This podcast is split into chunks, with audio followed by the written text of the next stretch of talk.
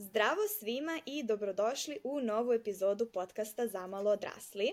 U današnjoj epizodi koja, kao što ste videli, ima neobičan naslov, pričamo o toj jednoj obećanoj zemlji, koja je obećana zemlja za uh, ljude u našoj državi, a i za mnogi ljude uh, iz regiona. Sa mnom danas je Katarina Beković, koja je studentkinja primenjenih medija i kreiranja sadržaja na Fakultetu savremenih umetnosti. Zdravo, Katarina! Ona je danas sa mnom. Ćao! Ona je danas sa mnom a, kako bi dala svoju perspektivu o toj obećanoj zemlji, a o čemu zapravo pričam, pa slušali ste i moje prethodne epizode i znate da je jedna od zemalja gde sam tela da upišem master je Nemačka. E pa, Katarina se vratila iz Nemačke u kojoj je zapravo upisala osnovne studije. A, I a, zapravo je došla ovde da podeli tu neku svoju perspektivu koju nije do sad mogla da čuje nigde drugde, jer a, obično čujemo da je to nešto ka čemu treba da stremimo i što je savršeno, sjajno i da nas čeka eto nešto uh, bajno kad pređemo tu nemačku granicu. Međutim, naravno, uvek postoji ona druga priča i baš upravo danas smo Katarina, Katarina i ja došle to da podelimo. Ja ću ovde govoriti iz perspektive nekoga ko je to, to razmatrao, a naravno ona je to i iskusila. Pa eto, zdravo Katarina opet i dobrodošla. Htela bih prvo da te pitam, znači, ti si... Zdravo, zdravo, hvala. Da, znači ti si tamo koliko dugo bila, bila si na osnovnim studijama, je li tako? Šta si tamo studirala i kad se to otprilike dešavalo? Evo ovako, uh, studirala sam, uh, završila sam letnji semestar jedan, znači to je bilo od marta do faktički oktobra, to je ne marta, aprila, izvinjavam se od aprila, uh, tamo neki početak aprila. Studirala sam primjenjene medije i komunikacione nauke, znači nešto što se ticalo malo telekomunikacija, malo medija, I tela sam da se odatle posle fokusiram na internet, tako da su mi to bili neki najemljeni delovi samog semestra kad smo pričali o internetu, društvenim mrežama, kako, na primjer, Wi-Fi funkcioniše, to mi je, na primjer, bilo onako highlight, da kažemo. I desilo se preko noći, ja sam otišla na odmor, bukvalno jedno dve nedelje u Nemačku i samo sam dobila mail od fakulteta da dođem, da se uselim u dom i znači faktički preko noći mi se produžio ostanak uh, I ja sam otišla, uselila se u dom, sve na brzinu i bilo mi rečeno za, za, sedam, za manje od 7 dana ti počinju predavanja. Ja sam se vratila u Srbiju, bukla sam spakovala stvari i već sam za, kroz nekoliko dana imala avionsku kartu nazad za Nemačku i tako je onda sve počelo. Wow, to je, moram priznati, uh, dosta neočekivano. Uh, wow, ali dobro, do duše, iz mog ličnog iskustva, oni to stvarno mnogo kasno javljaju. Znači, da, ono... da, baš onako, što bi se rekao, na boom su mi javili, da. a ja sam još, ja sam još već i radila, već sam u martu mhm. uzela kao odmor, ja sam dosta putovala, išla sam i za Španiju i bila par dana u Srbiji, nešto završavala i uzela sam ne ono odmor, bukvalno odmor mesec dana i trebala sam da se vratim u aprilu. Kad sam otišla za Srbiju 3. aprila, ja sam trebala da se već ono četvrtog vratim na posao. Međutim, ja samo sećam, sedim u dnevnoj sobi kao i zovem gazdarice i kažem, a znate šta, ja se ipak ne vraćam. to je fenomenalno. To je fenomenalno. I dobro, znači kad si otišla tamo, ok, vidim da si vrlo ono, s brda s dola otišla, verujem da mhm. ti to svakako, koliko god da je možda bilo onako puno adrenalina, da je verovatno bilo i dosta teško da se toliko brzo, mislim, da si ti uopšte, e, koliko si dugo ti planirala uopšte da odeš, kao je ti to bilo nešto što si planirala od malena, pa je to, samo je poziv došao mnogo kasno, ili je to opet i to bila neka ishitrena odluka, kako je došlo uopšte do toga? Pa ja sam se već pre toga jedno dve godine borila sa nemačkim jezikom da ispolažem te neke nivoje, sve što je trebalo, znači, a kao učim ga od malih nogu, ali uvek su postale te nijanse koje su morale da se dovrše, onako da se dostignu taj neki nivo, da kažemo, taj perfektni jezika. I kad sam konačno se izborila posle dve godine, ja sam, samo sam bila pozvana, ajde, najteže sam prešla, ajmo dalje. Znači, mentalno sam bila u toliko smorena od dve godine borbe sa jezikom, ali onda sam samo shvatila, ok, najteže sam prešla, zašto sada da stanem? I onda sam samo gurala dalje, gurala, gurala, gurala, a u te dve godine samo nisam znala gde ću, u kom delu Nemačke ću tačno biti i šta ću sa sobom raditi, a sam samo znala da ću da odem. I to mi nekako bio prvi korak, znači kad odem, kao sve će da mi se reši, kao sva će vrata da mi se otvore, uh, da ću ja već se snaći, da ću ja kao znati ko sam i šta sam, ali to nije baš bilo tako. Da, pa ovo sad kad si rekla uh, da si se borila sa nemačkim, tu definitivno mogu uh, dosta da se pronađem. Mislim, jedan od razloga zašto uopšte nisam za osnovne studije pokušavala da odem, iako je to nemačka uh, bila dosta često davana kao Nemačka i Austrija takođe, mislim, koji su obe -hmm. nemačko govorno područje, je bilo upravo to da uprkos tome što sam nemački učila od petog razreda, ne, um, to što ja mogu na prepad da kažem nešto, ako me baš neko prepadne, iako sam baš u Nemačkoj ili Austriji i baš mi hitno treba nešto, to je to. Mm, od mene ništa više, tako da um, definitivno za one koji ne pričaju nemački, boriti se sa nemačkim je možda najbolji način da se opiše učenje tog jezika. Jer je stvarno, stvarno, stvarno užasno težak. A, reći ću tužnu činjenicu da posle par godina uh, onako neobaveznog učenja italijanskog, moj italijanski i nemački su ovako. Toliko o, o nemačkom. Znači, ti se stvari... Evo ja, na primjer, učim italijanski sad. Ove, ovaj, jel da da italijanski lakši? I, I meni je lakše italijanski, evo imala sam koliko je pre par dana dobila sam čistu desetku, znači najlaganije, bukvalno. Nema, nema lepšeg jezika.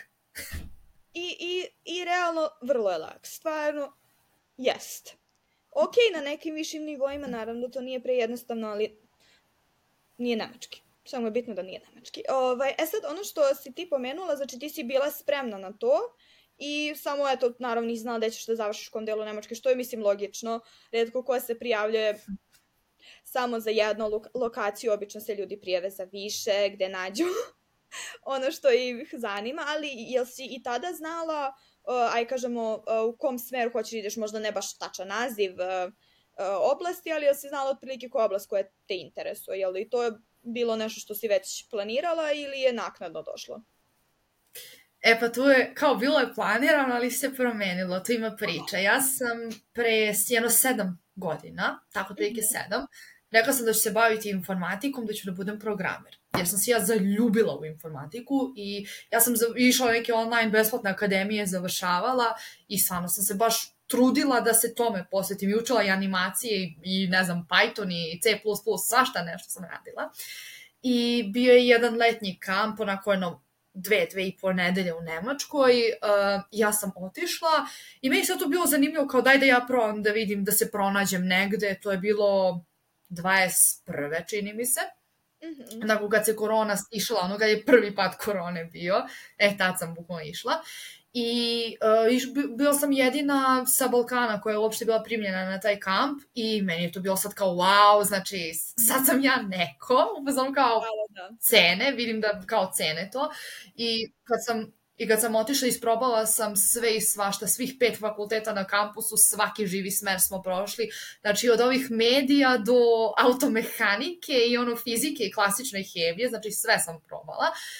I tad sam u stvari shvatila koliko bih grešku napravila da sam otišla na IT, jer kad je bilo, kao, ne znam, imali smo po 2-3 sata kao svakog predmet, svaki kao smerova i to, i kad je došao uh, red na IT, ali IT nije klasičan IT, nego ima i inženjeringa malo, I on se ja shvatila koliko bi ja tu propatila, jer bi bilo previše predmeta koji nisu vezani za IT i mhm. praksa ne postoji za taj smer. I onda sam Znači, to je bilo teorijski smer. I onda sam samo rekla, ok, ja to neću. I onda sam upala već u dilemu kao, čekaj, kao ja planiram da odem, znači to je trebalo 22. sa svojom generacijom kao da krenem na faks i to, sam baš bila u fazonu, u brate, šta ću sad? Kao, ne, ne znam gde ću, ne znam šta ću studirati, a kao treba da se spremam za nešto, da, da, da. jer ja nisam imala backup plan uopšte za Srbiju, meni je glava bila za Nemačku i ja nisam imala backup plan. Znači, bukvalno sam otišla, što bi rekli, ono, APP, ako prođe, prođe. A nisam razmišljala ako ne prođe. Ja sam razmišljala da će da prođe i da će da ide. Jer mi u tom momentu bilo mentalno lakše da ja kažem sebi, ma bit će sigurno to, ja ću proći. Jer kao već je bilo onako stresno, znači već mi mozak bio fazonu, aha, znači bit će druga država, drugi jezik, drugi ljudi, druga sredina, sve, znači bukvalno živo da mi počne ponovo, skroz nepoznatoj sredini. I baš sam onako bila u fazonu, dobro, znači ja imam samo pozitivne misli, znači baš sam bila u fazonu samo optimistično da odem. I poslednji dan tog kampa, e, ne znam, poslednjih par sati, bilo je kao za medije, za fakultet za medije. I mi smo otišli tu zgradu, ja sam se prvo zaljubila u zgradu, koliko je to moderna zgrada, znači tačno ono, da mi nisu rekli, znala bi da je zgrada za medije. I kad smo imali te neke praktične vežbe u studiju, kako se to radi, kako se sve to snima, kako to izgleda, meni je to bilo fascinantno i shvatila sam da sam neka osoba iza kameru, a i iza kamere da budem i tu sam samo presekla i sveća sam zvala roditelje i da se im rekla neću informatiku, ovo programiranje, ja ću da odem u medije. I, i nešto su moji rekli, da sam dobar izbor napravila, jer, se, jer sam mnogo pričljiva i da me vide mnogo više tu nego ono, kan, neki kancelarski posao da sedim da programiram nešto ja u mestu, pošto mi otac rekao ti ne možeš mirno u mestu. samo za, a poznam dosta IT-evac i samo zamišljam i ono kao da, da, bili bi u fazonu što ova priča? Šta joj je bolje? Da, da. Bože. Pa dobro, mislim, iskreno, kad si rekla kao uh, šta su mi roditelji rekli, ja sam iskreno očekivala neku fazon, pa to, pa to su samo novotarije, tako da iskreno pozitivno sam iznenađena i kao da znaš da nemaju, mislim, ok, ja sam imala podršku od strane roditelja za ekologiju, što isto, aj kažemo nešto kao novo. Mislim, dobro, objektivno kao nauka jeste novo, novo je i u smislu -hmm. i na mom fakultetu, kao pogledaš fakultet koji postoji 170 godina, a samo 25 imaju ekologiju, kao ok, fair, novo je, uh, ali sam dobijala od drugih ljudi ovaj, uh, zanimljive uh, komentare. Jedan od mojih omiljenih je bilo kad mi je jedna baba rekla uh, pa nemoj da upišeš ekologiju, sine, da skupljaš tuđe đubre. I onda sam ja, ja pokušala da objasnim da se to radi i bez fakulteta, mislim da je to posao za koji ne moraš nužno završiš fakultet. E, naprotiv, da to bih mogla da radim svakako, ništa protiv, ali da to nije baš to. Međutim, na kraju se ispostavilo da ja zapravo mnogo volim upravljanje đubretom, da ne kažem upravljanje otpadom, kako je to zvanično, i otpadne vode, i čvrsti otpad i sve. Tako da baba nije mnogo pogrešila. U pravu je, samo što bi ja to više radila van ulica, nekako više na nivou planiranja i uh, inovacija, ne toliko na nivou kon konkretnog delanja. Ali čak i nekada i hejteri su upravo na mene način na koji misle. Ali da, mislim, baš, baš mi je drago da si imala takvu vrstu podrške, s obzirom da kažem da kao, pogotovo generacijama naših roditelja, to onako malo ne, neobičan. Aj kao za IT kontaju, to ima para, to kao nešto se radi, a dosta često za kao ove novije stvari nemaju mm. mnogo razumijevanja.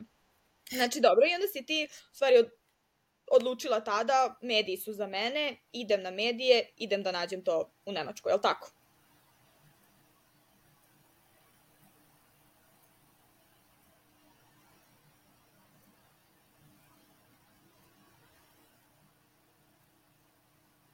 Ne, ne znam jel si me čula ili ti možda kasni, ovaj, pošto mi se, e, ah, a, ništa se nije čulo, bukvalno sve upočilo. da, bila sam da si na trenutak nestala, pa ja kao, ok, kao pravi, pravit ću se, pravit ću se, ja ništa ne vidim. Ovaj, um, da, znači, ti si u stvari onda zapravo uh, odlučila, znači javila si roditeljima, hoćeš medije, odlučila si medije i odlučila si mediji u Nemačkoj. Je, je li otprilike tako išlo? I onda si bilo u fazonu idem da se prijavljujem. Da, da. I Da, bukvalno sam samo rekla ja idem da menjam smer, ako treba menjam sve ponovo, znači on baš sam bila spremna, znači sam, bukvalno sam sve bilo fazom sve ću da uradim samo da promenim smer. Mhm. Pa dobro, da, to je, to je dosta velika odlučnost, baš si bila sigurna šta hoćeš. I kad si otišla tamo, kako je to sad sve izgledalo?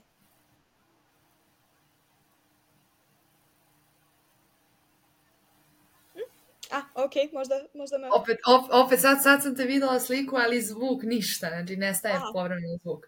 Da, ne znam šta mu je, no, ovaj, a, uvek, uvek mora da se nešto desi. U prvoj, prvi put kad sam snimala sam ja ispala iz snimka, drugi put opet je bilo nešto tako, isto neke peripetije, ali dobro, nema veze. Ovaj, um, pitala sam te kad si došla tamo, kad si konačno, oni su te pozvali, ti si se na brzaka spremila, spakovala i otišla. Uh, kako je sve to izgledalo? Šta te tamo dočekalo? Kako, kakav ti je bio prvi utisak i slično? Znači, to jutro je bilo čarobno. Oni su meni javili da postoji još jedan test koji ja treba da polažem, u smislu kao entrance exam, jer se u okviru tog semestra kao početnog, tu su se skupili svi studenti koji su došli, kao sa svih strana, I ja sam bila jedina evropljanka, na primer. Znači, ovo svi bili, ne znam, iz Azije, iz Afrike i čak iz nekih delova iz Amerike, Južne Amerike pogotovo, a ja sam bila jedina evropljanka. I sad, pošto je većina bila van, iz, naravno van Evrope, ljudi nisu znali kako Evropa funkcioniše, niti su ikad kročili u Evropu. Mm -hmm. I u okviru nama tog semestra mi smo imali predavanja koja su nam bila kao upoznavanje Evrope, kulture svih ljudi, pa smo se fokusirali na Nemačku i ono sve istorija, ekonomija, znači bukvalno sve živo smo radili. Mm -hmm. I meni je masa tih predavanja bila strašno dosadna, jer sam bila poznam kao, ok, ja ovo znam, zašto ja moram da budem ovde, ali onda sam shvatila koliko su mi te neke stvari pomogle, pogotovo administrativnog tipa, kad sam trebala da se prijavljujem, na primjer, da, sam, da postanem građanin tog malog mesta gde sam živala i bila. I te neke sve stvari mnogo mi je pomoglo baš to što su nam sve objašnjavali, naravno i njima je pomoglo, ali meni pogotovo, jer, na primjer, uopšte nisam imala ideju da, da će mailovi biti džabe što su poslati, da ću ja morati da ih jurim, da idem uživo sve, da zakazujem termine, da vadim i sve. Um, a kad sam ušla, znači kad se taj test završio, nekako se završio i ja znam sam izašla, moji su bili u pizzeriji koja ima preko puta, kao jeli i doručkovali i ja sam samo izašla, ja sam rekla ja sam završila, pitali su me samo kako si uradila, sam rekla ne znam, neću da pričam ništa. I otišli smo pravo na kampus koji je bilo dva minuta vožnje od te zgrade gde je bio taj test. I ali sam se našetala po cijelom kampusu jer mi ključ nije bio u mojoj zgradi gde sam bila, znači ima jedno 15-ak, 16-ak zgrada. Znači, a ja sam bila, znači moja zgrada je bila K i onda sam kao rekli, eto je sudbina, Katarina u, u zgradi slovo K, znači nešto je kao, smo imali da je to neki znak i morala sam u zgradu koja je skroz na drugom kraju kampusa da odem jer mi je tamo ipak bio ključ, jer se administracija prebacila tamo, pa sam išla po ključ. I prvi šok koji sam doživela je da su me ubacili u devet, nešto malo više od devet i po kvadrata spavaće sobe. Ja znam kad, sam se, kad smo ušli moji roditelji i ja, znači, bukvalno smo stali u onu sredinu, ovako kockicu što je bilo slobodno. Ja sam se samo okrenula jedno pet puta u krug. Znači imala sam krevet, ogrom, e, dobro, ogromni prozori su mi bili super. Mnogo volim da imam veliki prozor zbog svetlosti. Imala sam radni sto, to naravno radijator, uh, imali smo kao policu, onako, ali široku, stvarno veliku policu i ogroman plakar, materne do plafona. I ja se okrećem i kao, iza mene vrata već. I ja sam samo rekla mojima kako ću ja da se smestim sa jedno dva kofera stvari, da se smestim u nešto više od 9,5 kvadrata. A meni je soba, jeste uska, ali je dugačka i imam ormare na sve strane. I ja sam navikla na taj veliki prostor i prvo stvari su meni ogromne, naravno jer sam ja ogromna, mislim ja sam 1,82 visoka i znači to su stvari L, XL, M, znači ogromne, znači kad ih razvučemo olike.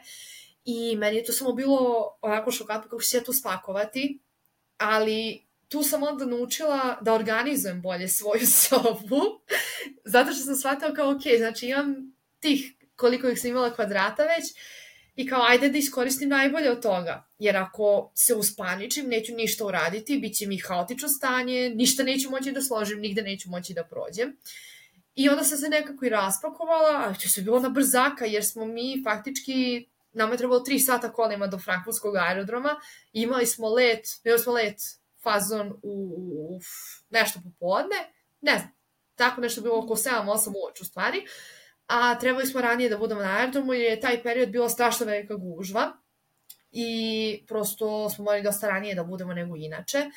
I znam kad sam, znači bukvalno sam samo raspakovali, ubacili smo taj prazan kofer u kola i samo smo krenuli za Frankfurt.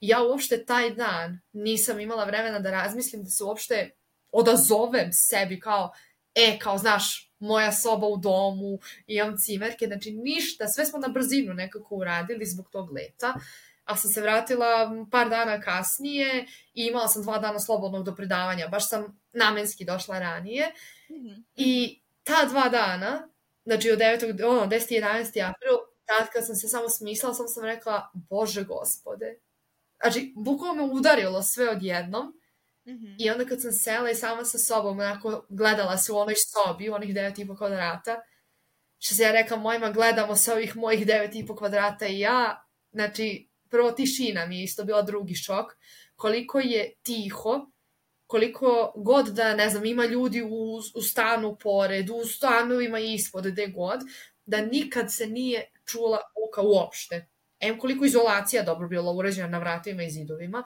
a i koliko su ljudi generalno tihi. Mm -hmm. I ja sam rekla samo kako ću ja da se stvorim. Ali onda verovatno sa vremenom, kako sam se navikla na to konstantno učenje, učenje, studiranje i sad taj neki da. život, valjda više ono predavanje kada je čovjek cijel dan na predavanjima, dođe kući mrtav, nema volje da pravi, ne znam, neku buku i da nešto bude glasan i s nekim da priča. Znači, bukvalno bilo samo ulaz u sobu, zaključam se i legla sam onako kad dođem sa predavanja. Znači, bukvalno... Pitanje, jel sobu imala a, kao neki prostor koji je samo tvoj ili ste, pa kao, ne znam, aj kažemo, apartman gde je kao više soba povezan sa nekim onda zajedničkim prostorom ili si baš kao sobu delila sa još nekim?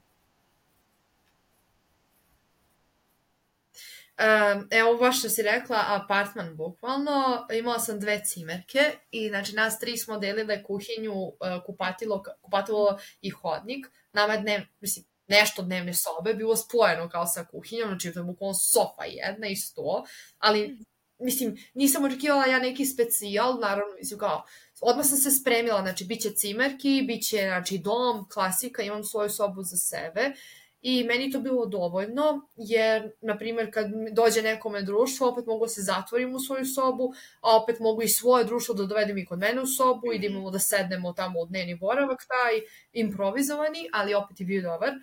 I meni su cimerke bila, jedna je bila iz Nemačke, došla iz fazan Hamburga ili tako negde, a jedna je čak iz Meksika bila, tako da mhm.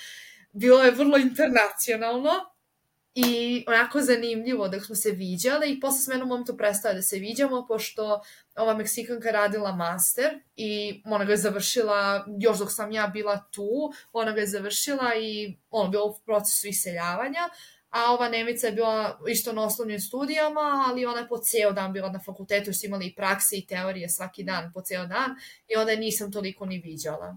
Da. Pa to te pitam zato što recimo imam i drugaricu i uh, neke još drugare koji su uh, u Americi i onda imam dosta prijatelja koji su u Evropi i ono što jeste velika razlika je što u Americi to nije tako, u Americi dvoje ljudi dele jednu sobu tvoja je leva strana, njena je desna strana i bukvalno imaš svoj krevet, svoj orman, imaš pola prozora, pola frižidera, imaš kao jedno mestašce da sedneš I to je, mislim, meni kad je drugarica, kad je ona otišla tamo, ja sam još bila u srednjoj školi, kad je ona to meni slikala, ja sam bila u zonu, ah, a, wow, a, tako da ja kad sam zapravo kod ove moje otišle po Nemačkoj, Engleskoj i slično, ja sam bila u zonu, uh, uh, uh, uh, uh. to je to, pogotovo naravno onda još, uh, pošto sam videla i sobe u domu u Nišu i u Beogradu nisam videla, ali mislim naravno znam puno studenta koji su prvenstveno u studenjaku, ali i u drugim. Ovaj, u stvari bila sam u jednom uh, domu uh, u Beogradu, ali kao generalno nisam mnogo videla naše sobe. definitivno moram priznati da Evropa ima najbolje sobe za studente, jer zapravo postoji taj kao prostor de, koji je samo tvoj, a ono kao deliš to. Mislim, recimo, drugarica kad je bila u Engleskoj, ona je sa petoro delila uh, taj kao kuhinja, dnevni boravak uh, i slično i kao u tom smislu mislim da to, ok, naravno, nije, uvek može bolje, ali ovako nekako iz te neke perspektive, kad sagledam sve šta sam čula, to još i deluje dosta ok, što ti kažeš postoji neka određena privatnost, a opet mislim kao sad da svako ima svoje uh, i kuhinju i kupatilo i sve to, to bi bio stan i to svakako košta više. To recimo u, znam da u Berlinu postoje ti kao studentski stanovi koji jesu po tom fazonu, prosto ali oni su jeftiniji nego ovi obični, jer kao se su studenti u jednoj zgradi, a opet s druge strane skuplje nego dom, jer prosto ipak imaš više, ovaj, aj kažemo, privatnosti. A, ali ono što sam htela da kažem, a, sam se zbunila, šta sam htela? Sam bila nešto vezano za... A, da, to što si rekla za tišinu i slično. A, baš znam da uglavnom ljudi kada odu u Nemačku su u fazonu, brate, a su ljudi dosadni i čutljivi, misleći na Nemce, ovaj, ali ono što jeste dosta u Nemačkoj velika, bar da od, od koga god da sam do sad čula, svi su spominjali kako je ono generalno najviše ima ljudi iz inostranstva. Ok, ima Nemaca, ali ima dosta internacionalnih studenta, tako da ono uvek pronađu ljudi svoje. I koliko mi se čini, ljudi u stvari, pogotovo kad odu u male studentske gradove, recimo Tübingen je jedan od studentskih gradova, koji ok, ima neke ovako svoje stanovnike, ali najveći deo stanovnika su u stvari studenti. Ti na kraju shvatiš da ti odeš u Nemačku i ne interaguješ nešto mnogo sa Nemcima, sem u administraciji. i kao profesorima. I onda to je ne, možda i neka zanimljiva ta kao perspektiva. I moram sad da te pitam jednu stvar koju mi je jedna druga drugarica pričala, a to je baš si bila cimerka i sa Nemicom, je li stvarno e, tačno da oni se ne, da koliko sam čula od drugarice, kupanje je mnogo ređe nego kod nas iz nekog nepoznatog razloga, zbog toga što je skupa topla voda, ne znam, ne znam, ne mogu da zamislim to. Da li si primetila isti fenomen ili je to samo moja drugarica bila u nekoj čudnoj sredini? Eto, to je, na primer, um, sve će se iznenaditi, to je još jedan kulturni šok koji, da kažem, doživala. Jeste činjenica, je, kupanje nije u ovom slučaju bio problem, nego generalna neurednost u smislu da devojka uzme napravi svoj obrok, jede šta god da napravi i tipa ne opere sudove za sobom, nego ubaci samo u sudoperu. Mislim, imala sam ja taj slučaj kad sam bila mlađa, kao, e, znaš, kasnije ću. Ali to da. njeno kasnije ume da traje danima i ne može čovjek da opere sudove preko njenih. I onda sam ja imala momente da vadim njene sudove, operem moje i onda spustim njene u fazonu sestro, brate, čisti za sobom. Ili tipa, da ne obavlja svoja nedeljna zaduženja. Um, tamo je normalno, dobiju svi, svaki stan dobije raspored za, ne znam, tri ili četiri meseca unapred i piše ti šta koje nedelje treba da se radi i ne znam kad se koje đubre kupi pošto oni odvajaju sve u, ima svaka boja, pa sad ne znam, nešto za plastiku, za karton i to. Oni su stvarno ozbiljni u tome i meni to bilo fenomenalno, a već sam znala neko vreme za to. I, i u, na primjer, u stanu smo imali, ne znam, 4-5 kanti i na svakoj kanti je pisalo zašto se uzme đubre. I ja sam se trudila kad je moja nedelja, generalno pokupim svoje đubre, ponesem, ima bukvalno kavez ispred svake jedne ili dve zgrade, da imaš od svake boje, ne znam, 4-5 kanti i onda možeš tamo da ubacuješ to džubre i onda odatle ga kupe ovi radnici tamo njihove gradske čistoće, što bi se reklo. I, na primjer, imali su slučajeve da nama budu pune kante, da ih ona, na primjer, ne iznese. I ova druga cimerka, Meksikanka i ja smo baš imale problem sa tim. I, i potovo i ja, jer kao, jesam ja najviše od nas tri bila kod kuće, da kažemo, stanu, ali opet e, svako treba za sobom da skanja. Mislim, ne razumem ja ako neko nije naučio to u svojoj kući ili šta god, ali ne znam kako njoj nije moglo da bude grozno. Naprimer, imali smo i kantu za otpadke, one organske, ne znam, napravi neku voću salatu, jede lubenicu, na primjer, donese iz prodavnice i dogovorimo se da kupi ona s dečkom, dođe donesu lubenice, jedemo lubenice, sve super, ali kad isteku lubenicu, nikad je nisu izbacili. I onda smo imali problem sa mušicama onim sitnim, onim voćnim, gde ja uđem u kuhinju, znači puna mušica, ja ne znam šta se dešava. I onda pogledam i shvatim da je to od te kante. Imali smo baš puno problema sa njom i samo sam jedva čekala leto da se završi, uh, da imam pauzu u semestru i da konačno mogu da odem. Znači, samo sam rekla, ima da odem, ne mogu više, pa neki izjedu i njene mušice. I sad sam, uvijek sam zaključavala svoju sobu baš da ne bi te neke mušice i tako nešto ulazilo kod mene, jer nisam prosto znala, mislim kad sam videla koliko je neuredna, nisam znala šta mogu sve da očekujem. Da. A, na primer, imali su, imali su zgrade gde njih od 14 do 20 rodeli jednu kuhinju i kupatilo i imala sam drugove drugarice tamo i išla sam baš da vidim kako izgleda kod njih i njihovo je mnogo čistije. Koliko god ih ima mnogo više, mnogo im je bilo čistije nego u mom stanu gde nas ima tri. A, mislim da to je jako bitno. Mislim, ja sam neko ko nije pretrano ovaj, uredan, kogod ovo sluša zna Znam me lično se vratno sada smeje. Uh, I tako i ti si se mačkicu uznemirio, jeste, jeste. Ali kao jedna stvari koje ja znam, mislim, ja znam da da ja sada delim sa nekim prostor, da ja ne bih bila takva. Jer i kad sam, ja sam dosta i putovala, ne znam, putovala sa prijateljima, bila na sad na nekim razmenama i slično. Kao, ja sam uvek maksimalno, znači meni će da bude čistije to tamo nego kod kuće. Zato kod kuće prosto na kraju krajeva to je moje, ja se sa tim borim kako znam i umem. Ali ja osjećam tu odgovornost. Mislim da to dosta nekada ljudima fali, a to je ta uh, odgovornost prema drugim ljudima. Kao, ok, jedno je šta ti sam sa sobom, da postojiš sam na svetu, kako bi, mislim, išao bi go da, ideš, da si sam na svetu, ali nisi sam na svetu. Hajde da vidimo kako da drugim ljudima bude prijatnije dok su pored tebe. Mislim, ja sam baš, ok, ja sam imala i neke slučajeve da sam, eto, mislim, hvala Bogu na kratko vreme, dru, uh, delila prostor sa izuz, uh, izuzetnim čistunicama. Da kažem izuzetne čistunice, mislim kao ljudi koji toliko ti nabiju pritisak da si ono u fazonu. Šta da radim kad mi opada kosa? Mislim, recimo, ne znam, neko ko ima problem sa kosom. Tuđom. Kao, brate, mislim, neću uzeti očešljati se ono, ne znam, na podu i sresti dlake kad delim prostor sa nekim ali ja ako taknem, recimo jastučnicu svoju kosom, ona će ostati tu. I onda to jeste nezgodno kad ne, možeš, kad ne znaš ko si cimer i ne možeš da biraš cimere, uh, da prosto, ono, aj kažemo, ne možeš da nađeš nekog ko je možda sličniji tebi. Znam da recimo u Americi kasnije možeš uh, i kod nas isto ti vremenom u prvoj godini ne znam da li može da se bira, ali znam da kasnije ti možeš da se dogovaraš donekle s ljudima da budeš u sobi, što može biti i dobro i loše. Loše ako se dogovarate samo na osnovu toga što ste drugari, jer samo zato što ste drugari ne znači da ste kompatibilni cimeri, ali opet kao može i tako neke stvari da, aj kažemo, predupe, predupredi, što ne mora uvek biti, kažem, slučaj. Tako da verujem da je bilo vrlo, vrlo zanimljivo.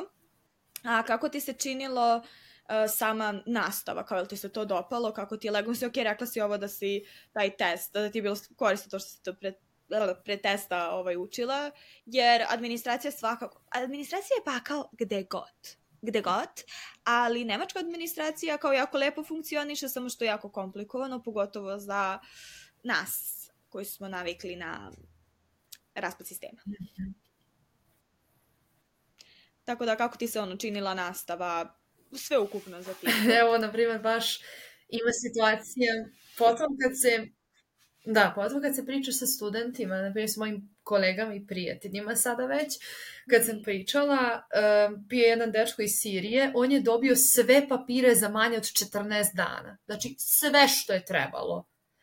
Uh, drugarica, isto iz Sirije, ona tri i po meseca ništa nije mogla da dobije Znači, pazi, kad su iz iste države, a toliko vremenska razlika, meni, na primer, kad sam rekao, ok, ja sam iz Srbije, ovo ono, oni su rekli, ok, tebi ne treba kao pola tih papira, mm -hmm. na primer, jedan od tih kao papira i dokumenta je Aufenthal, odnosno što je kod njih kao naša lična karta, za oni koji ne znaju, da kažemo, i ja sam pitala je to meni potrebno, oni su rekli ne, jer kao meni studentska viza je već bila neka vrsta Aufentala tokom mojih studija da potvrdi sve to, jer je bilo sve stvarno regularno odrađeno i prava studentska da. viza i važi do ne znam sad kog decembra već, znači sve regularno bilo odrađeno.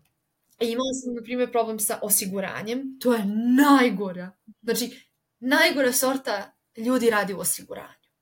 Ja sam mislila da je kod nas katastrofa tako kad poču procedure za one kartice, na primjer za osiguranje, tamo je Bože pomozi.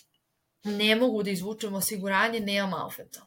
Ja kažem dobro, ali meni je rečeno od odbora za strance da meni ne treba Aufenthal, da ja sa studentskom vizom najlaganije dobijam osiguranje. I mislim, ja sam imala svakako osiguranje, morala sam zbog vize da imam i zbog ambasade u Beogradu, Nemačke u Beogradu, zbog njih sam morala da imam osiguranje na šest meseci, ali opet fakultet je tražio nemačko osiguranje. Da. I ja sam otišla u AUK, prosto okrenula sam se njima jer su neka najpoznatija osiguravajuća kuća i ima i naravno i kod mene u, u mestu je bila jedna onako kažem filijala i onda se okrenula njima. I onda kad sam ih pitala, toliko je ta procedura bila, toliko pisama sam pisala, i mailova i ručnih pisama, toliko sam papira potpisivala poštom što su mi slali, pa im vraćala poštom, pa im skenirala mailom. Znači, hiljadu komplikacija da ja na kraju dobijem rečenicu, bez Aufenthala ne možeš da imaš osiguranje. I ja se okrenem kolegama svojim, reku, jel znate vi nešto, vi su ti ljudi koji su bili po bar godinu dana već tamo u tom da. momentu kad sam ja stigla i još smo bili dobri prijatelji, moji su na meni rekli, či imala sam odgovor, dobio sam Aufenthal za 5 dana, dobio sam Aufenthal za mesec dana, dobio sam Aufenthal posle godinu dana i nis ni ili ni ja nisam dobio ili dobila Aufenthal. Znači četiri varijante odgovora i ljudi su dolazili iz istih država, istih krajeva sveta, pa su u različita vremena sve dobijali ili ništa nisu dobili. Tako da, uh, je to tamo katastrofa organizovano što se tiče studenta, jer kao postoje pravila za ono third world countries i za ne znam eh, van šengensku zonu što se tiče nas iz Evrope, a to ništa ne važi u principu. Mislim, kao postoje pravila, ali ne važe isto. Da. Pa mislim to iskreno, uh, ja i, kažem i kod nas, ne samo kod nas kao Srbija, nego i ja kad sam pokušavala ovaj, da dobijem domovnicu i putovnicu, to sve kad ti čuješ koliko dezinformacija, koliko različitih informacija, znači na kraju ispade da niko ništa ne zna i da sve može, ali ništa ne može. Mm. I iskreno polako sam u fazonu da li je stvarno bir birokratija samo napravljena čisto ono da maltretira ljude, kao jer ja ne vidim, ne vidim ka, kako šta, jer stvarno je baš pakao, eto, baš mi je žao da čujem da u Nemačkoj nije ništa bolje. Um, što se toga tiče, jer kao bije ih glas da bi to trebalo da bude bolje, ali očito nije, što je strašno. A kako ti se činila nastava na fakultetu? Mislim, kao da si se tu pronašla, da li ti je to možda nije bio dobar fit, kao šta, šta je bio slučaj ta, sa tim? Pa ja kad sam upisala ove primjene medije i komunikacije nauke, ja mislim pogledala sam naravno na sajtu fakulteta i videla šta će otprilike da me čeka, da će biti manje prakse nego što sam na primjer očekivala, ali znajući, on se kontaktirala s mojom fakultet i rekla sam ok, šta je na primjer praksa drastično manja, jer sam očekivala kao ipak je to dosta praktičan smer, kao radi se, ne znam, televizija, film, mediji, sve, svi, se svi mediji pokrivaju i baš sam pitala, ok, kao kako može praksa tako da bude mala. Onda su mi rekli da postoje prakse za inostranstvo, ono, za svaki, za svaki kontinent i, na primjer, najpopularnija je bila Indonezija.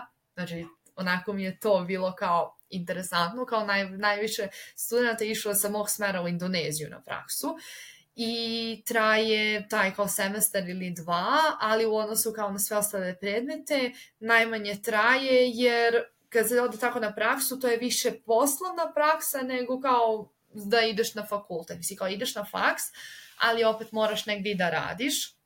Tako da su kao zato bili u tom fazonu da je manja praksa. Da, A predmeti uopšte nije ono što je pisalo. Mislim, jeste ono što je pisalo, ali kad sam došla na faks i kad sam učila te neke predmete i kad sam to gledala, uopšte mi nije bilo to, to. Ja sam imala tačno utisak, ja sam rekla mojima kako ću ja da učim ove medije, kako ću ja sve to da naučim, pa malo ove telekomunikacijne nauke, bit će fokus na internetu. I od svega toga ja sam dobila fiziku, elektrotehniku, inženjering, malo telekomunikacija i minimalno medija, onako mrvice kroz neke lekcije, tako da mhm. baš je suprotno. I čak sam pitala fakultet u fazonu kao, ok, što je to tako, što vi pišete jedno, dajete nam drugo. Mhm. I debele pare su se tu uložile. Znači godinu koliko plaćam ovde u Srbiji, toliko me košta jedan semestar tamo. I iz bili fazonu, pa znate kao, uh, mi se trudimo da učimo kao de, ljude i studente generalno uh, te neke praktične stvari što se tiče informatike, ne znam, tog inženjeringa, ovo ono, je sve kao ok, ali kao ja sam upisala, uh, prvo sam upisala medije, glavni fokus piše da je na medijima, a drugo, ovo su osnovne studije umetnosti, nisu osnovne studije nauka. Znači, tu imaju isto to ograni, razgraničenje, jer kad su osnovne studije umetnosti, onda se više radi kao praksa, više se ide na tu umetničku stranu, neko kreiranje, dok su, na primjer, da sam otišla na osnovne studije uh, nauka, to bi više trebalo, u stvari, ovo inženjering i sve to. Međutim, oni su, verovatno nije bio dovoljan broj studenta na naukama, pa su nas sve spojili zajedno i totalno nam uništili smer. I eto tako smo mi došli do činjenice da ja učim bukvalno čistu tehniku soloparnu i to mi se onda naravno nije svidelo, zbog toga sam informatiku i ostavila. E sad ja imam nekoliko pitanja. Ovaj, uh, prvo, znači ok, rekla se da si ti u stvari bila kao na umetničkom usmerenju i ok, onda je logično da si očekivala nešto što je manje nauka, više umetnost. A, ali ono što me interesuje, a, kad pričaš o praksi, ili misliš praksa kao internship ili praksa kao praktičan rad? Jer, a, recimo, ja na fakultetu, na osnovnim studijama, nisam imala nikakvu vrstu prakse, sem nešto malo neke praksice volo, do, dobrovoljne volonterske tokom leta po dve nedelje, koje su bile realno bez veze, a, ali smo imali dosta praktičnog rada u smislu rada u laboratoriji, rad na različitim programima kompjuterskim, a, rad na terenu. Tako da kao to je nešto što je davao fakultet, a ko je hteo praksu, to je nešto što fakultet može da, te, da ti kaže ali ne, nema veze sa fakultetom. Pa na šta si, ta, šta si ti u stvari očekivala? Si ti očekivala praksu kao ono, kao internship ili praktičan rad kao da, ne znam, um, snimate, radite u nekim programima kao, ne znam, Photoshop, Illustrator, um, Premiere Pro i slično, kao šta, šta je zapravo to što, na šta si ti ciljala?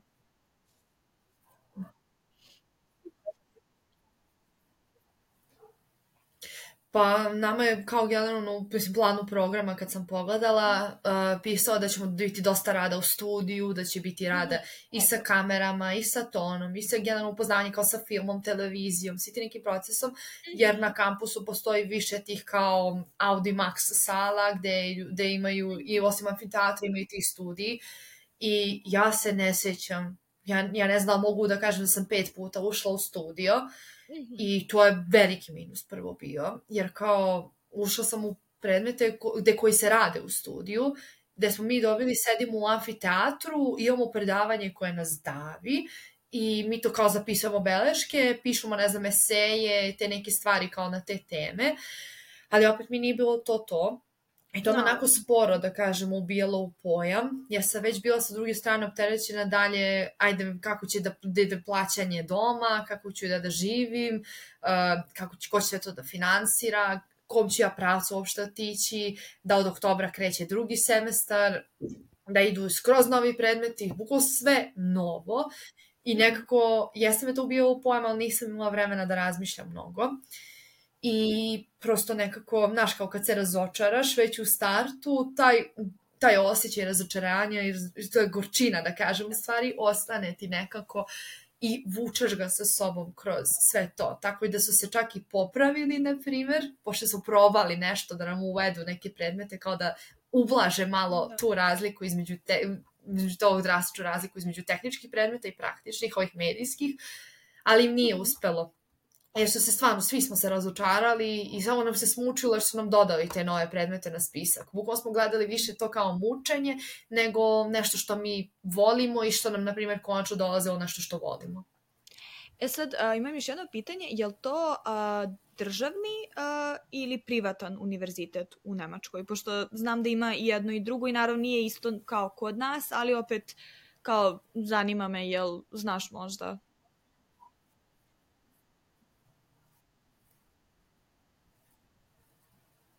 ne znam. E, nisam ti samo čula, samo sam čula, niste čula na momentu do, kad si rekla Nemačka, a, e, to te znači, nisam čula to pre toga. Interesuje me, je li to bio privatan ili a, državni univerzitet? Pošto znam da kod njih svakako je mm. privatni mnogo zastupljeniji nego kod nas, ali eto, čisto Kao, jel imaš tu informaciju?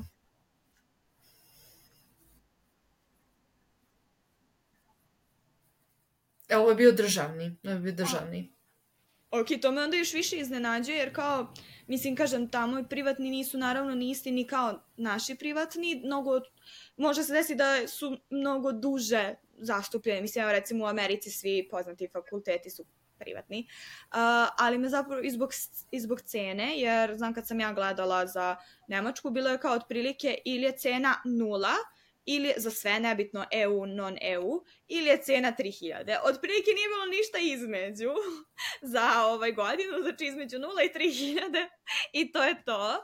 Ovaj, pa me zato zanimalo kao da li je državni fakultet, jer nekako za državne fakultete bi mi imalo, mislenije bi mi bilo da imaju neke kao aj kažemo, rigidnije stvari, u smislu ako smo tako napisali, tako ide, nema šta se menja. Sad ovo kad si mi rekla, baš mi je neobično to da su kao, mislim, spojili na, naučni smer i umetnički, mislim da su prvo dve različite dip diplome. Mislim kao Bachelor of Science je Bachelor of Science.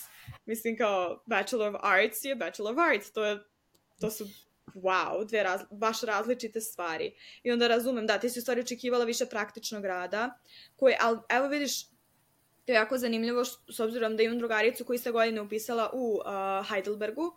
Mislim, dobro, Heidelberg je prosto istorijski jako dugo tu, mislim oni su stvarno ipak neki uh, prosto nešto što već dugo tu i nešto šta je, kažem, može, mogu ljudi da se oslone, aj tako da kažemo. Um, I nas dve kad smo upoređivale naše, pošto ona isto upisala biologiju, mislim ja sam na ekologiji, ali prva godina pogotovo je bila praktično ista kao na opštoj biologiji i kad smo upoređivali stvari, meni sad više dopao iskreno njihov pristup jer oni nisu toliko išli u sitna crevca nekih gluposti i baš zato što su imali mnogo bolju praksu od nas. Ok, mi smo imali kao relativno ok količinu praktičnog rada, a, međutim, kao mi zbog nedostatka financija, a, nismo imali, iako i njoj je bio besplatan faks koliko i meni, da se razumemo, ona nije faks platila, ona je plaćala dom, ali mislim plaćam i ja stan u kom živim, tako u tom smislu kao i na istom smo, ali njoj je bilo besplatne studije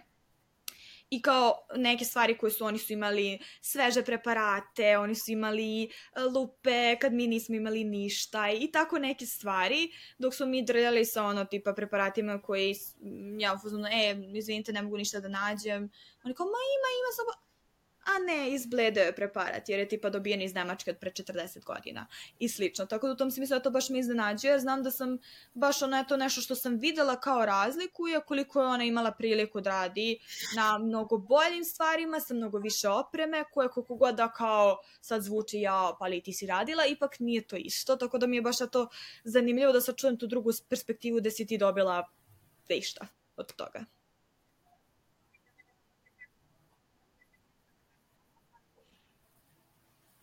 Uh, I interesuje me, sad, znači, pošto si rekla da si se u stvari razočarala uh, samim programom, da to u stvari nije samo što nije bilo ono što si ti očekivala, nego što nije bilo ni ono što si ti, što su oni napisali. Um, šta je na kraju bilo to što je tebi presudilo da ti kažeš ne, idem. Auf Wiedersehen, doći ću ponovo u posetu, ali to je to od mene.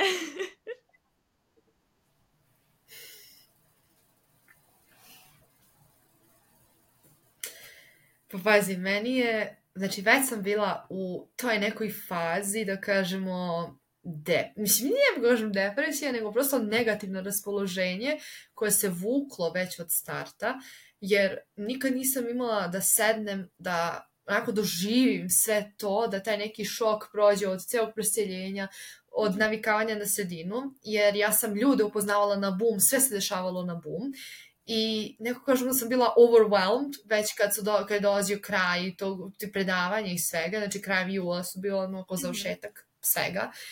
I znam kad sam samo sela, kad se to završilo, sećam se imala sam avion 2. augusta za Beograd i četvrtog sam već išla na Krit.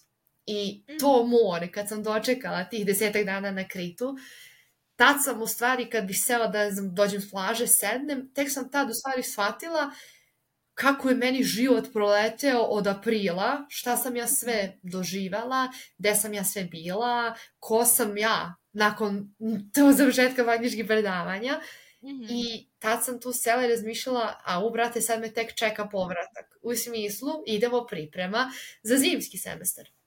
I ja sam u tom momentu bila kao uzbuđena, ajmo zima jer smo od tog semestra konačno trebali da se fokusiramo na ove kao umetničke predmete, na te neke umetničke stvari i to je stvarno trebalo da počne ta, da kažemo, ono što sam ja sanjala da mi bude fakultet.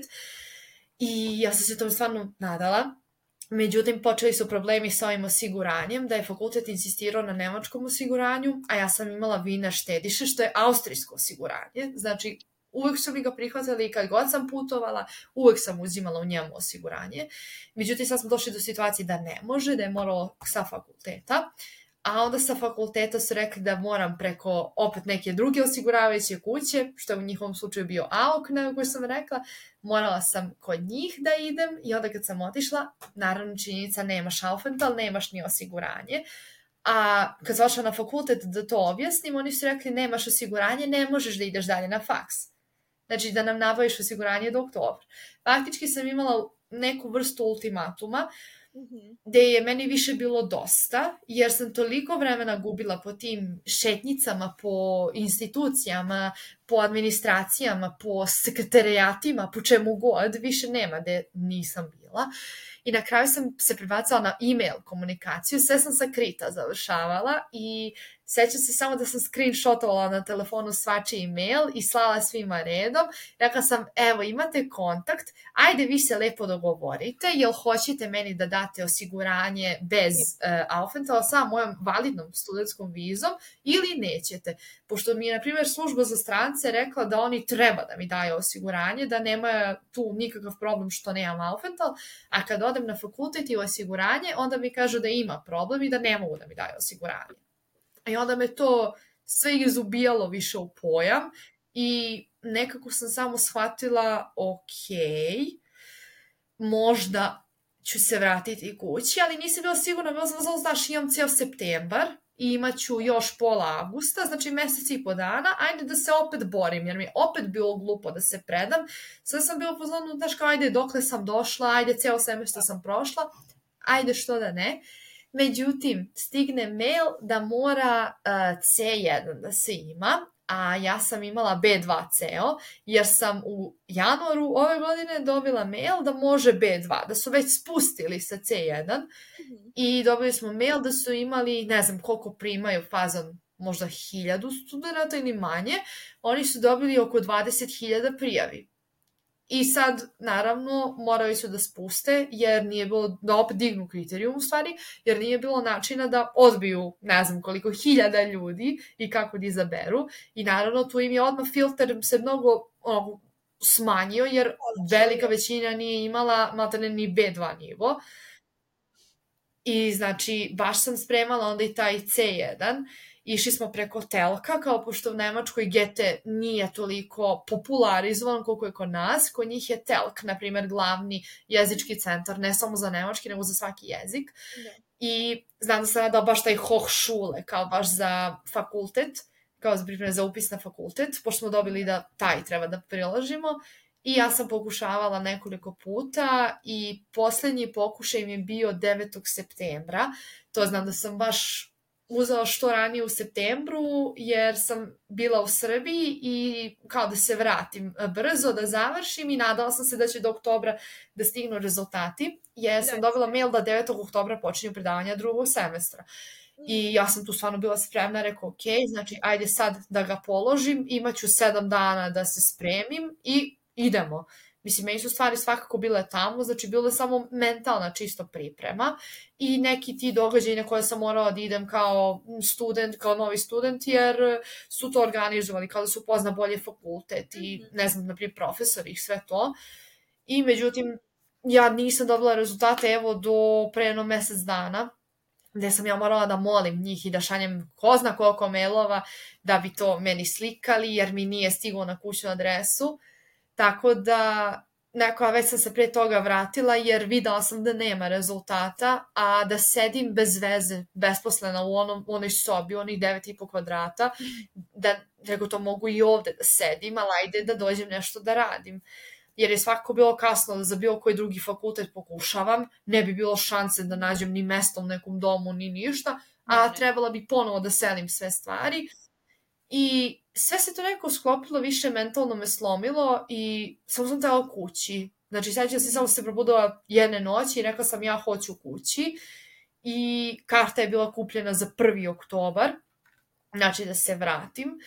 I tražila sam fakultete kod nas. Znala sam da neće moći biti državni sigurno, jer su svi rokovi prošli odavno. I bila sam pozvano, ok, idem na privatni šta sad? Mislim, fakultet je fakultet. Meni je bilo bitno da negde konačno počnem nešto čim želim da se bavim i tako sam došla do fakulteta savremenih umetnosti, izašla na prijemni, primljena sam bila, sve je bilo prošlo super i samo sam otišla po stvari i bukvalno i vratila se posle par mhm. dana. E, vidiš, I tako, moja avantura evo od oktobra, 2. oktobra, Srbija, Beograd A, vidiš, a, to je, znaš koja u stvari tvoja greška bila? Tvoja greška je bila što ti nisi krenula da plačeš. E sad ću ti objasnim zašto. Uh, moja drugarica koja je u Nemačkoj, ovaj, evo sad i na masteru, bila je završila i osnovne studije. Uh, ja mislim sad ne sećam se da li je to bilo za master ili za osnovne studije, ali znam da je ona tamo otišla i ona je tri nedelje bila u hotelu jer nije mogla da dobije u domu sobu. Nikako, nikako. Da ona na kraju otišla njima i morala da im zaplače da bi oni konačno i ono, ops, odjedno magično je bilo mesto u domu, razumeš? Uh, I ona je meni rekla kao savet koja ona meni dala kad sam se ja prošle godine jer sam se ja mučila, mislim ja čak nisam ni otišla pa sam se ja godinu dana mučila sa svime time. Mislim mogu tak da zamislim kako je zapravo kad odeš i onda te začeka još toliko mučenja. Uh, I ona meni bila zvonu, e slušaj, šta god, šta god da ti ono, nešto ne može, ne ide, samo plači. Znači, nauči da plaćaš na komodu, ja fuzom druže, ja sam svakako ovoliko, svakom trenutku ovoliko od suza. Ja moram da se učim da ne zaplačem, tako da bez brike, to meni problem nije, plakaću kogo treba. A, tako da to je stvari tvoja graška, što ti nisi plakala kad je trebalo i onda bi sve bilo rešeno. Ali a, to za, mislim, kao, ja ne znam zašto oni to sve šalju, mislim, to se već, očito je neka stvar vezana za Nemačku, da sve šalju u papiru, što je, mislim, mnogo glupo je. Recimo, kažem, ja nisam saznala do dve nedelje pred početka semestra da li sam ja primljena na taj univerzitet, da sam ja bila u fazonu, mislim, ono, sad i da sam primljena, ja ne mogu da nađem da odem, da ne daj Bože još nađem posao, jer meni treba posao, ja nisam ono kako platim da živim tamo i slično, kao sad ono i da me prime, mogu i kažem hvala, ali dobro ste se setili, da bi meni ono stiglo tako bukvalno, praktično na kraju je meni Ja se izvinjavam, ali a, moja mačka se uplašila, zato se to tako čulo. A, svi su u redu, a, samo no. mačka, mačka. Da, i kao, bukvalno, oni su meni poslali pismo. Ej, pismo. I meni dolazi, a kod nas, mislim, ono da pošaljem ja komši i pismo trebalo bi pet nedelja da stigne sa našom poštom. Mislim, da se razumem, u tom smislu baš je, baš je ružno što tako ostaju stvari, ali eto, mogu kažem da nisi prva za koju sam čula da je to sve mnogo išlo teže, sporije i kasnije nego što se očekivalo. A, žao mi je što je to tako ispalo, ali vidim da si ti, aj kažemo, se ok složila sa time, kao ok, ovo ne ide. Uh, tako da mislim da, da deloš kao da si sve to dobro podnala, to hoću da kažem, da se nisi mnogo ubedačila, možda grešim, tako delo iz moje perspektive, jer kao ono, nastavila si ovde, snašla si se, videla si šta valja, šta ne valja. Tako da, eto, ili imaš li neku možda poruku, neki savet, neku misao za kraj da ovaj, kažemo uh, slušalcima, pa da ovaj, zatvorimo ovu temu. Uf, imam sad Mm -hmm. Imam sad stvarno koliko hoćeš da kažemo neki poruka i saveta. Um, mislim, naravno neke od njih sam podelila na svom Instagramu, prosto u highlightsu, Serious Talks, gde sam mm -hmm. samo rekla nekih sedam lekcija koje sam naučila, koje su mi pomogle da se i naviknem i koje su me razvile. A sad ću ovde da navedem još, nisam tela tamo sve da spojlujem. Uh, sve me nekako udarilo u avionu. Jer uh, uđeš u avion, sedneš i shvataš da napuštaš mesto koje si nazivao kućom ako prethodnih dobri šest meseci i napuštaš ljude s kojima si u istom košu, s kojima si gurao nekako kroz sve to. Znači, nakon me sve udarilo, svaka naša žurka, druženje, odlasci u menzu, učenje zajedno u biblioteci, pa sama predavanja, pa projekti, pa ispiti, pa testovi, šta sve nismo imali. I naravno, te jezičke barijere, pa smo pomagali jedni drugima da se borimo s tim nemačkim, onako, baš smo se borili sa njim. I vraćam se svoj pravoj kući, mislim, i mojim prijateljima i porodici i sve, ali opet nekako e, bilo se jako pomešano osjećanje, znači bukvalno do pola leta, znači prvu polovinu leta iz Frankfurta plačem što napuštam Nemačku, drugu polovinu leta plačem jer od ono sreće dolazim u Srbiju, vraćam se mojima i mislim to mi je bilo sve tako izmešano, mačku svoju nisam videla isto šest meseci kako treba, mislim preko telefona videti i vratiti se ono uživo nije naravno isto. I ne samo mačku nego i sve redom Ali... i nekako sam tad shvatila, ok, tad sad imam vremena da plačem, idem već na fakultet sutradan, kao nema, nema plakanja od sutra. I shvatila sam da je dobro nekad i da kažemo kasniti za drugima i da je, da je dobro prosto nešto što se desi, jer ja idem sa mlađom generacijom sam krenula, mm. znači sa 2004. godište, ja sam 2003. Um, I tih, na primjer, prošle godine, ja sam 22. znači završila petu Beogradsku gimnaziju, maturirala na leto i moji su krenuli svi iz generacije, ono, oktobar 22. standardno fakultet i nekako je tu bio kao poraz, ok, zašto ja ovoliko čekam, ali onda sam shvatila da kad neko hoće da ode u inostranstvo, postoje mnoge žrtve jedna od velikih žrtvi je u stvari to kaskanje za drugima. I kad sam shvatila šta sam ja uradila tih godinu dana, kako sam ja proputovala, dakle, moj highlight putovanja mi je bio Brisel i Belgija, znači to mi bio highlight, to je bio program, ja sam otišla um, jedna od dve devojke koje su iz Srbije primljene na taj program Evropske unije kao simulacija Evropskog parlamenta. Aha. Znači, to je bio meni highlight prvih tih par meseci, ono, posle leta. I počela sam da radim kad sam se onda vratila iz Belgije i tu sam upoznala jako divne ljude s kojima, evo, opet sam se vratila u isti kolektiv jer mi je nekako prija mi kako, kako god da gledam da radim u pekari, ali opet mi prija kolektiv. Uh, i u tih godinu dana sam postala i novinar i evo sad sam jedno, da kažemo, dva meseca i social media manager portala Youth Vibes, za koji naravno pišem, tako da nekako su mi se druge neplanirane kockice složile i mnogo više volim što su se te kockice složile, ja sam se mnogo obradovala i mnogo mi se um, da kažemo, ta osjećanja su se mnogo vedrija probudila i mnogo više motivacije imam. I evo sad se borim trenutno sa seminarskim radom uh, iz jednog predmeta, sa kolokvijumima, posle u januaru kreće ispitni rok do tamo pola februara, a pre toga naravno još dosta kolokvijuma, ali nekako sam inspirisana jer sam samo sebe video šta sam ja uradila u godinu dana, e, znam zašto sam sposobna i da mogu sve da postignem, ne znam kako postižem, ja se samo i sebi divim, znači nije uopšte nešto kao zato što sam ja, nego zato što kad pogledam, znači pekara mi je jedan posao koji radim onako da kažemo 3-4 puta nedeljno, zavisno se od predavanja. Imam predavanja 3 puta nedeljno, ali baš onako dave ta 3 dana. Uh, znači učim italijanski, skroz novi jezik, znači učim ga bukvalno svaki dan, ko što sam učila nemački, sad učim italijanski onda tekstove pišem, pa uređujem moje društvene mreže, pa za sebe planiram nešto da počnem, da pravim kontent, čak i planiram i podcast da otvorim jednom momentu svoj, tako da stvarno ne znam kako postižem i ne znam kako ću tek postizati, ali naučila me Nemačka jednoj važnoj stvari, a to je odgovornost i ta organizacija vremena. Ja sam u tim momentima shvatila da sam sad već došla u godine gde sam se osamostalila, što se tiče stvari, da ne moram, što se kaže, mamu i tatu za rukav da vučem za stvari, ali onda dolazim u situacije da nekad ne znam šta da radim i prihvatila sam da je normalno da ne znam šta da radim. Jer tek mi je 20 godina, tek sam ušla u fakultetski život, znači tek jeste drugačije u odnosu na Nemačku i na sve što sam tamo se navikla, ali opet nekako shvatam da je skroz ok i da ne znam neke stvari i da ne moram uvijek sve da znam. Ja sam uvijek sebi imala to opterećenje, e, zna, moram da znam šta ću da radim, ne znam, za 10 godina, šta, neki cilj da imam. Ja sam to pogrešno gledala.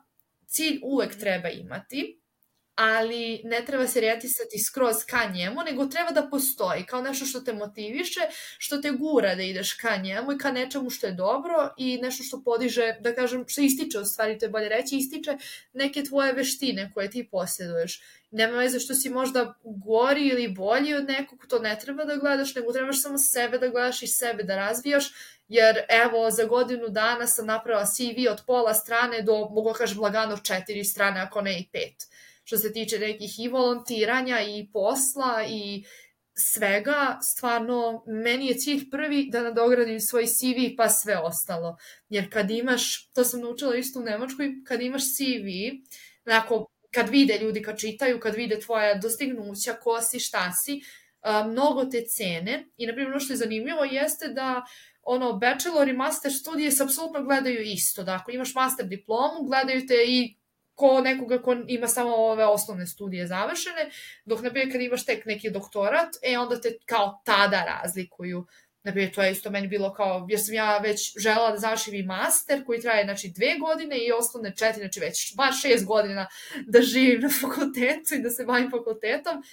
Imala sam čak i tendencije za doktorat, ali onda sam shvatila da ne moram sebe da guram u tom smislu, da je možda bolje da sad naravno sačekat ću taj period kad dođe taj period kad budem trebala da se odlučujem, ali da nekad bolje i sačekati jeste treba imati visoke ambicije, ali nikad ne treba imati previše visokih ambicija odjednom, jer se onda razočaraš i onda sebe kriviš ako se ne ostvare, a na primjer nisi ti kriv u 99% slučajeva je ta situacija, desi se nešto drugo. I neka sitnica koju ti ne vidiš trenutno, ali koja triggeruje drugi niz sitnica, znači ono butterfly effect, što bi rekli, desi se sitnica i onda se nešto krupno tako desi i onda se ti razočaraš kao kreneš da kriviš sebe. Ne treba nikad kriviti sebe, znači samo lagano. Šta god da se desi, samo lagano, jer nije vredno nerviranja. Tek će doći stvari, da kažemo, za koje se treba nervirati. E pa dobro, hvala ti puno. Uh, hvala ti novim savjetima koji si podelila na kraju i hvala ti uopšte što si uh, došla u ovu epizodu da podaješ ovo sa mnom, ali i sa svima koji slušaju. Nadam se da si vama uh, svidelo ovo o čemu smo Katarina i ja danas pričali i slobodno ja ću naravno ostaviti uh, njen Instagram ako je to ok, ja prepostavljam da jeste, uh, u opisu epizode, tako da možete da vidite, da pročitate i onih sedam da. savjeta da čujete i to. ovaj, I uh, da prosto, eto, kada ona pokrene nešto, da možete da je zapratite tu, uh, da možda priključite jednog dana i njen podcast uh, svoj listi za slušanje. Uh, kažem, hvala ti Katarina puno, a mi se do sledeće epizode